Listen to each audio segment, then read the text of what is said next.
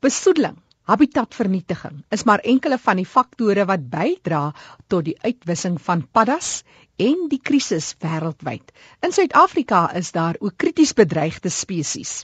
Dis kollega Jenny February wat gaan uitvind het oor Piekersgiel se rietpadda, een van die bedreigde spesies. Ons is by die Johannesburgse dieretuin en ons gesels met Ian Visser, kurator van reptiele en amfibieë. Ian, vertel ons 'n bietjie meer oor die Pickers Reed Panna, die navorsing en die projek. Goeiemôre. Hier by die Johannesburgse Dieretuin het ons in 2006 'n komitee gestig vir die bewaring van amfibieë in Suid-Afrika. En uh, ons is nou van 2011 besig met Pickers Gill se rietpadda. Die doel van die projek is, is om ons personeel meer bekwam te maak in verband met die aanhou van amfibieë maar dan ook om meer te leer van die ander en teel van bedreigde paddaspesies in Suid-Afrika en veral die stigting van 'n versekeringsbevolking van Pietersgeelse rietpadda in geval die spesies 'n rampspoedige bevolkingsverlies ly. Ons is besig in hierdie projek in vennootskap met die Nasionale Dieretuin, die Nasionale Navorsingseenheid, Universiteit van Noordwes en SMVLA KZN Wildbewaring. Wat is tans die grootste bedreiging vir hierdie padda? Die grootste bedreiging vir hierdie padda en alle ander paddas in Suid-Afrika is eerstens habitatsverlies. Eh, veral in die geval van Piekerskeels die padda, hulle het vleye eh, nodig en dit is waar hulle woon, dit is waar hulle voortplant en so. En ons vind dat hierdie ehm um, vleygebiede word uitgedroog vir landboudoeleindes, maar ook industriële en stedelike uitbreiding. En dan is die uitheemse indringerplante ook 'n groot probleem. Plante soos bloekombome byvoorbeeld gebruik baie water en hulle self sal daardie gebiede uitdroog sodat die paddas nie meer daar kan lewe nie. Dan is daar ook besoedeling, veral waterbesoedeling wat 'n groot impak het op hierdie paddas. En dan laastens die kitrit swam wat wêreldwyd 'n groot bedreiging vir alle amfibie spesies is. Nou waarom is dit so belangrik om juis hierdie padda te beskerm? Praat spesifiek oor die rol wat die padda in die voedselketting speel. Pieterskeel se rietpadda is belangrik want dit is 'n uh, op die oomblik een van die krities bedreigde spesies in Suid-Afrika. Hierdie padda spesies is inheems. Hulle word nêrens anders in die wêreld gevind nie. En alhoewel hulle voorkom op 'n relatief groot gebied, 2303 vierkante kilometer om en by, is die bestek van die gebied wat hulle gebruik slegs 13 spesifieke areas en die totale gebied wat hulle betrek is hier om en by 9 vierkante kilometer. So dit is op enige tyd moontlik dat hulle die laaste habitat kan verloor wat hulle heiliglik geniet of Kitrid swam kan hulle aanval en dan daardie bevolkings um, uitroei en dan is daar ook die moontlikheid dat verdere bestedeliking of so kan gebeur en dit kan ook daardie habitat van hulle opgebruik sal ek maar so sê en dan het ons nie meer habitat vir hierdie paddas nie. Hulle is baie belangrik want kyk alle paddas het 'n belangrike funksie as dit kom by die kontrolering van die insekpopulasie. Hulle vrees vreeslik baie insekte, maar hulle is ook baie belangrik in die voedselketting. Daar's vreeslik baie ander diere en ander spesies wat paddas eet. So as hierdie paddas nou uitgeroei word, dan is daar ook 'n goeie kans dat daar verskeie spesies is wat op hulle afhanklik is. En as hulle nie meer kos het nie, dan gaan daardie ander spesies ook uitgeroei word. Vir ons luisteraars, hoe ken mens 'n piekersrietpadda uit? Piekersgeelse rietpadda, hulle is eintlik baie klein. Ehm um, die wyfies is blinkgroen en die mannetjies is bruin met so 'n vaal streep wat by die, die kant van hulle liggaam afloop. 'n Mens sien hulle nie dikwels nie die gebiede waar hulle gevind word, soos ek gesê het, dit is vlei lande, maar eintlik moerasse en baie dik rietbeddings. En hulle kom gewoonlik voor in die eerste 30 cm bo watervlak. So 'n mens moet hulle eintlik baie hard soek om hulle te kry en dit is gewoonlik makliker om die mannetjies te hoor roep as dit nou gedurende die teelseisoen is. Paddas kan 'n indikasie gee van die gesondheid van ons ekosisteem. Vertel ons 'n bietjie meer. Paddas um, in die algemeen gebruik of 2/3 van hulle respirasie vind deur middel van hulle velplaas. So hulle vel is baie deurdringbaar, maar nie net vir gasse soos suurstof en koolstof nie, maar ook vir enige ander besoedeling wat in die water voorkom. So as die water besoedel is deur een of ander chemikalie, um, neem die paddas dit baie maklik en vinnig op. En 'n mens kan dan sien as jy gegeewe habitat monitor, as die paddas in daardie habitat skielik verdwyn, en is dit 'n baie goeie indikasie van 'n probleem wat dalk in daardie habitat nou aanwesig is. en dit laat ons dan weet dat ons verder moet soek om die oorsaak van hierdie probleem te kry. Tydens die navorsing wat julle al gedoen het, wat is van die belangrike bevindinge wat julle al gemaak het en wat julle nog graag wil maak? Soos ek voor, uh, voorheen vermeld het, het ons al in 2006 begin met die paddas en ons het al werk gedoen met um, skurwepaddas en ander rietpaddas wat meer volop is. En die doel daarvan is dat ons wil leer hoe hou mense die paddas aan? Hoe gaan 'n mens te werk daar om die paddas bymekaar te maak of te versamel in die wild en as hulle dan dieretuin toe gebring word, hoe hou ons hulle aan? Wat is die beste tipe kos om vir hulle te gee? Wat kan ons doen in in verband met die tanks waar ons hulle aanhou? Wat geniet hulle? En dan wil ons ook weet watter dinge is daar wat hulle nou sal laat begin broei of begin teel? En uh, ons het dit nou al gedoen met verskeie spesies. So die volgende stap wat ons nou wil neem is met hierdie piekerskeelse rietpaddas wil ons ook daardie kennis inwen. Aan die begin van hierdie jaar het ons piekerskeelse rietpaddas bymekaar gemaak of versamel in uh, KwaZulu-Natal.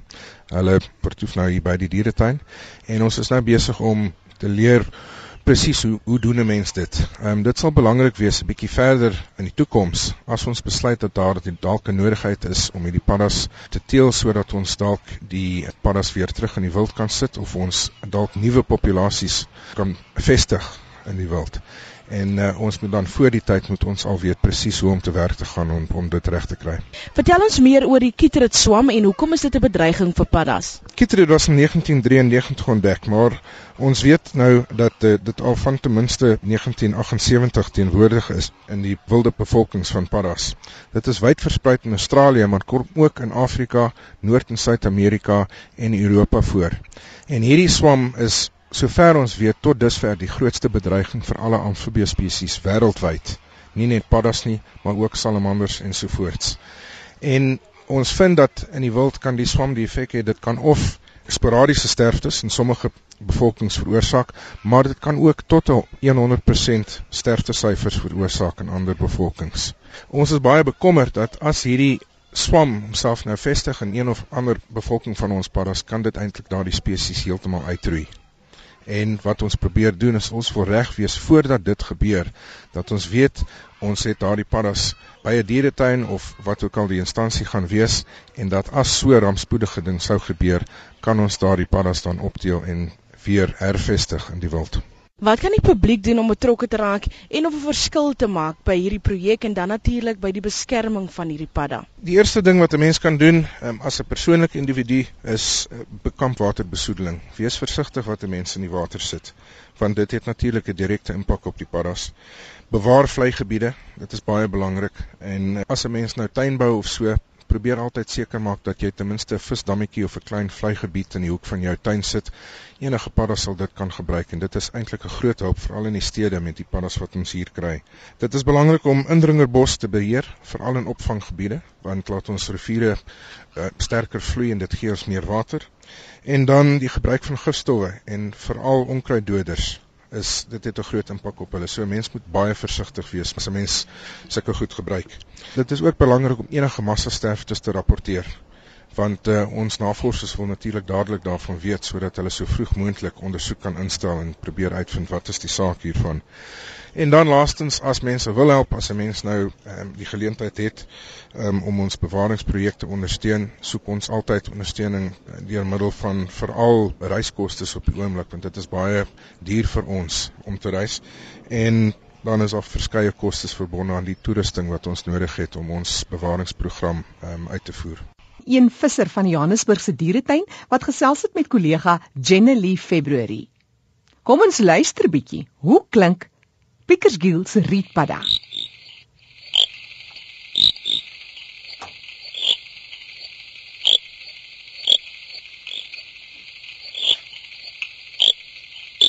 Een visser van die Johannesburg se dieretuin het nou-nou verwys na hierdie Pickersgill se rietpadda.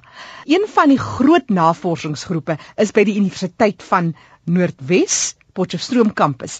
Ek gesels met Prof Louis de Pre. Hy is hoof van hierdie padda navorsingsentrum. Prof, voordat jy ons bietjie inlig oor wat julle doen ten opsigte van die navorsing en ook oor Pieterskiel se rietpadda, eers net die klanke wat paddas voortbring. Hoe gebeur dit? Meeste van hulle het hierdie blaas of die keelsak. Sommige het enkel keelsakke, ander is gepaard en hoe hy die die klank voortbring is dat hy skuif die lug vanaf sy longe na hierdie keelsak toe en dan vloei die lug oor sy stembande. En dan beweeg die lug, hy sluk amper die lug weer in terug longe toe. So die lug beweeg die hele tyd tussen die longe en die keelsak. Sommige paddas maak geluid in een rigting vanaf longe na keelsak, anders maak weer vanaf die keelsak terug na die longe en is daar 'n paar wat sommer in twee rigtings geluide maak. Soos watter byvoorbeeld? 'n Voorbeeld daar is byvoorbeeld die snork modderpaddatjie. Ons kan miskien na hom ook luister. Die Phrynobatrachus natalensis is die snork modderpaddatjie en hy het so 'n regte dit klink soos soos iemand wat lens in snork terwyl hy slaap. Kom ons luister.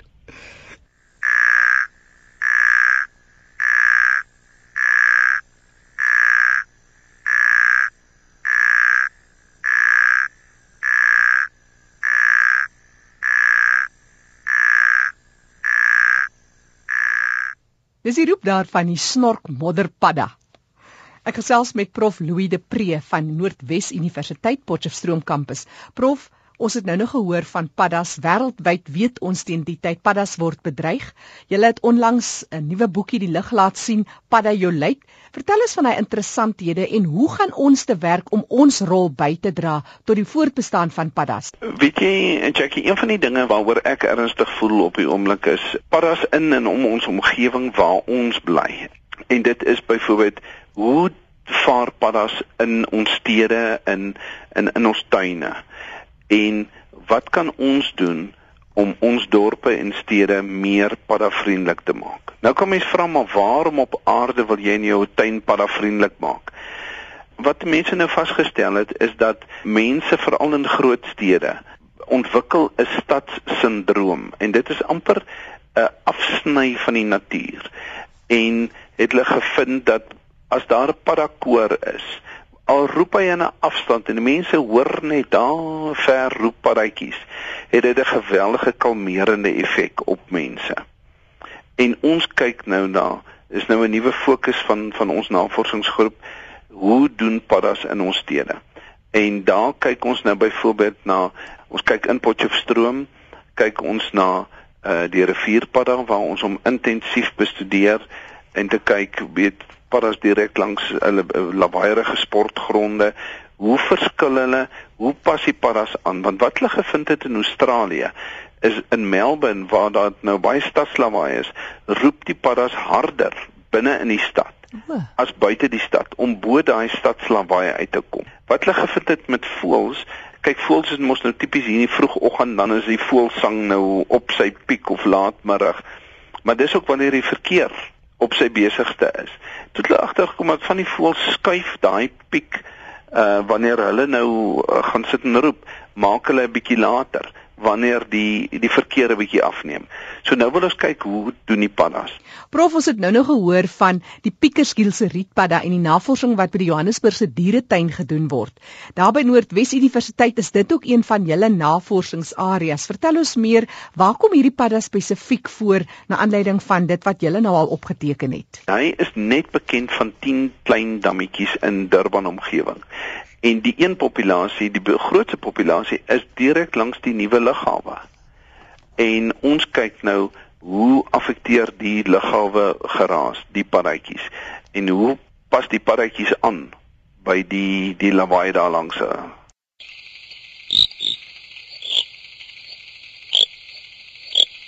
Piekersgiel se rietpaddatjie, 'n moeilike ouetjie om te vang want hy roep laag in digte digte riete sit hy en roep die oomblik as jy hom gaan versteur dan duik hy in die water in. Prof nou daar's 'n groot pleidooi dat ons 'n bietjie meer padda gevoelig moet wees. Maar wat sou jy sê is van die moenies en die moeds ten opsigte van ons interaksie met paddas? Kyk, e-, een ding wat baie belangrik is, mense moenie paddas gaan vang in aanry na hulle tuine toe nie. Veral nie oor groot afstande nie, want paddas kom voor op sekere area met 'n doel. En as ons nou paddas rondry in van die Wes-Kaap af sentrale binneland toe bring, dan meng ons in met die natuur daar en kry ons genetiese verskywing. En het ons nou al voorbeelde gekry. Byvoorbeeld in die Kaap weet ons is daar die luiperdskurwe padda wat wat bedreig is.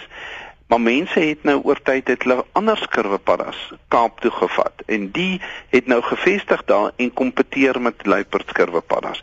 Maar nou wil ek ook nie 'n pleidooi lewer dat mense nou begin die gewone skurwepaddas daar gaan vang en verwyder nie. Dit wil dit laat dit maar vir die wetenskaplikes om om daarna te kyk. Wat 'n mens kan doen, jy moet net in jou tuin habitat skep wat gunstig is vir 'n padda. Nou paddas soek water.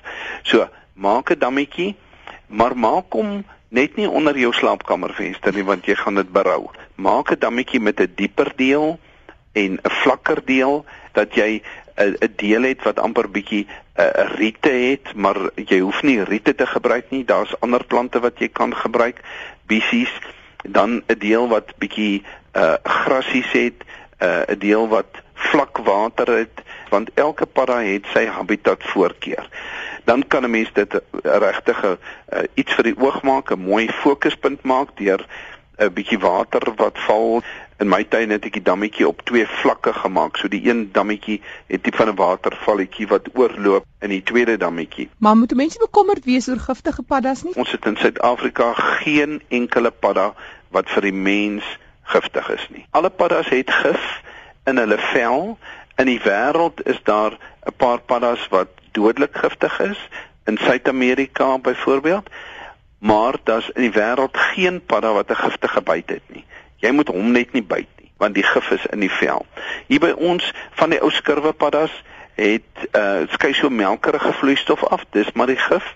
As 'n hond met hom speel, gaan die hond skuim om die bek en die pupille, oogpupille gaan verwyd en die hond gaan baie vrolik wees want hy gaan halusineer want dit is dis maar 'n tipe van 'n dwelmmiddel vir hom maar vir die mens hoogstens 'n bietjie gejuk op die vel en dis dit. Uh okay, Australië het groot probleme met die sogenaamde kaintout.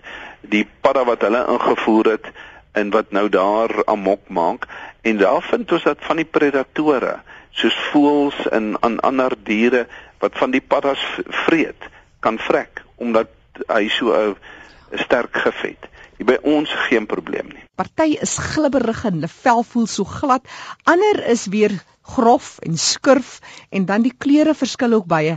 Die kleur is glad nie 'n indikator van hoe giftige padda kan wees nie. Jy kry tog 'n uh, paddas met aposomatiese kleure, die gebande rubberpadda. Dis 'n swart padda met rooi strepe of bande oor hom. Hy het 'n redelike sterk gif. Nog steeds nie vir die mens gevaarlik nie, maar as jy hom byvoorbeeld saam met ander paddas in 'n sakkie sit, gaan die ander paddas vrek. Die rooi is 'n waarskuwingskleur.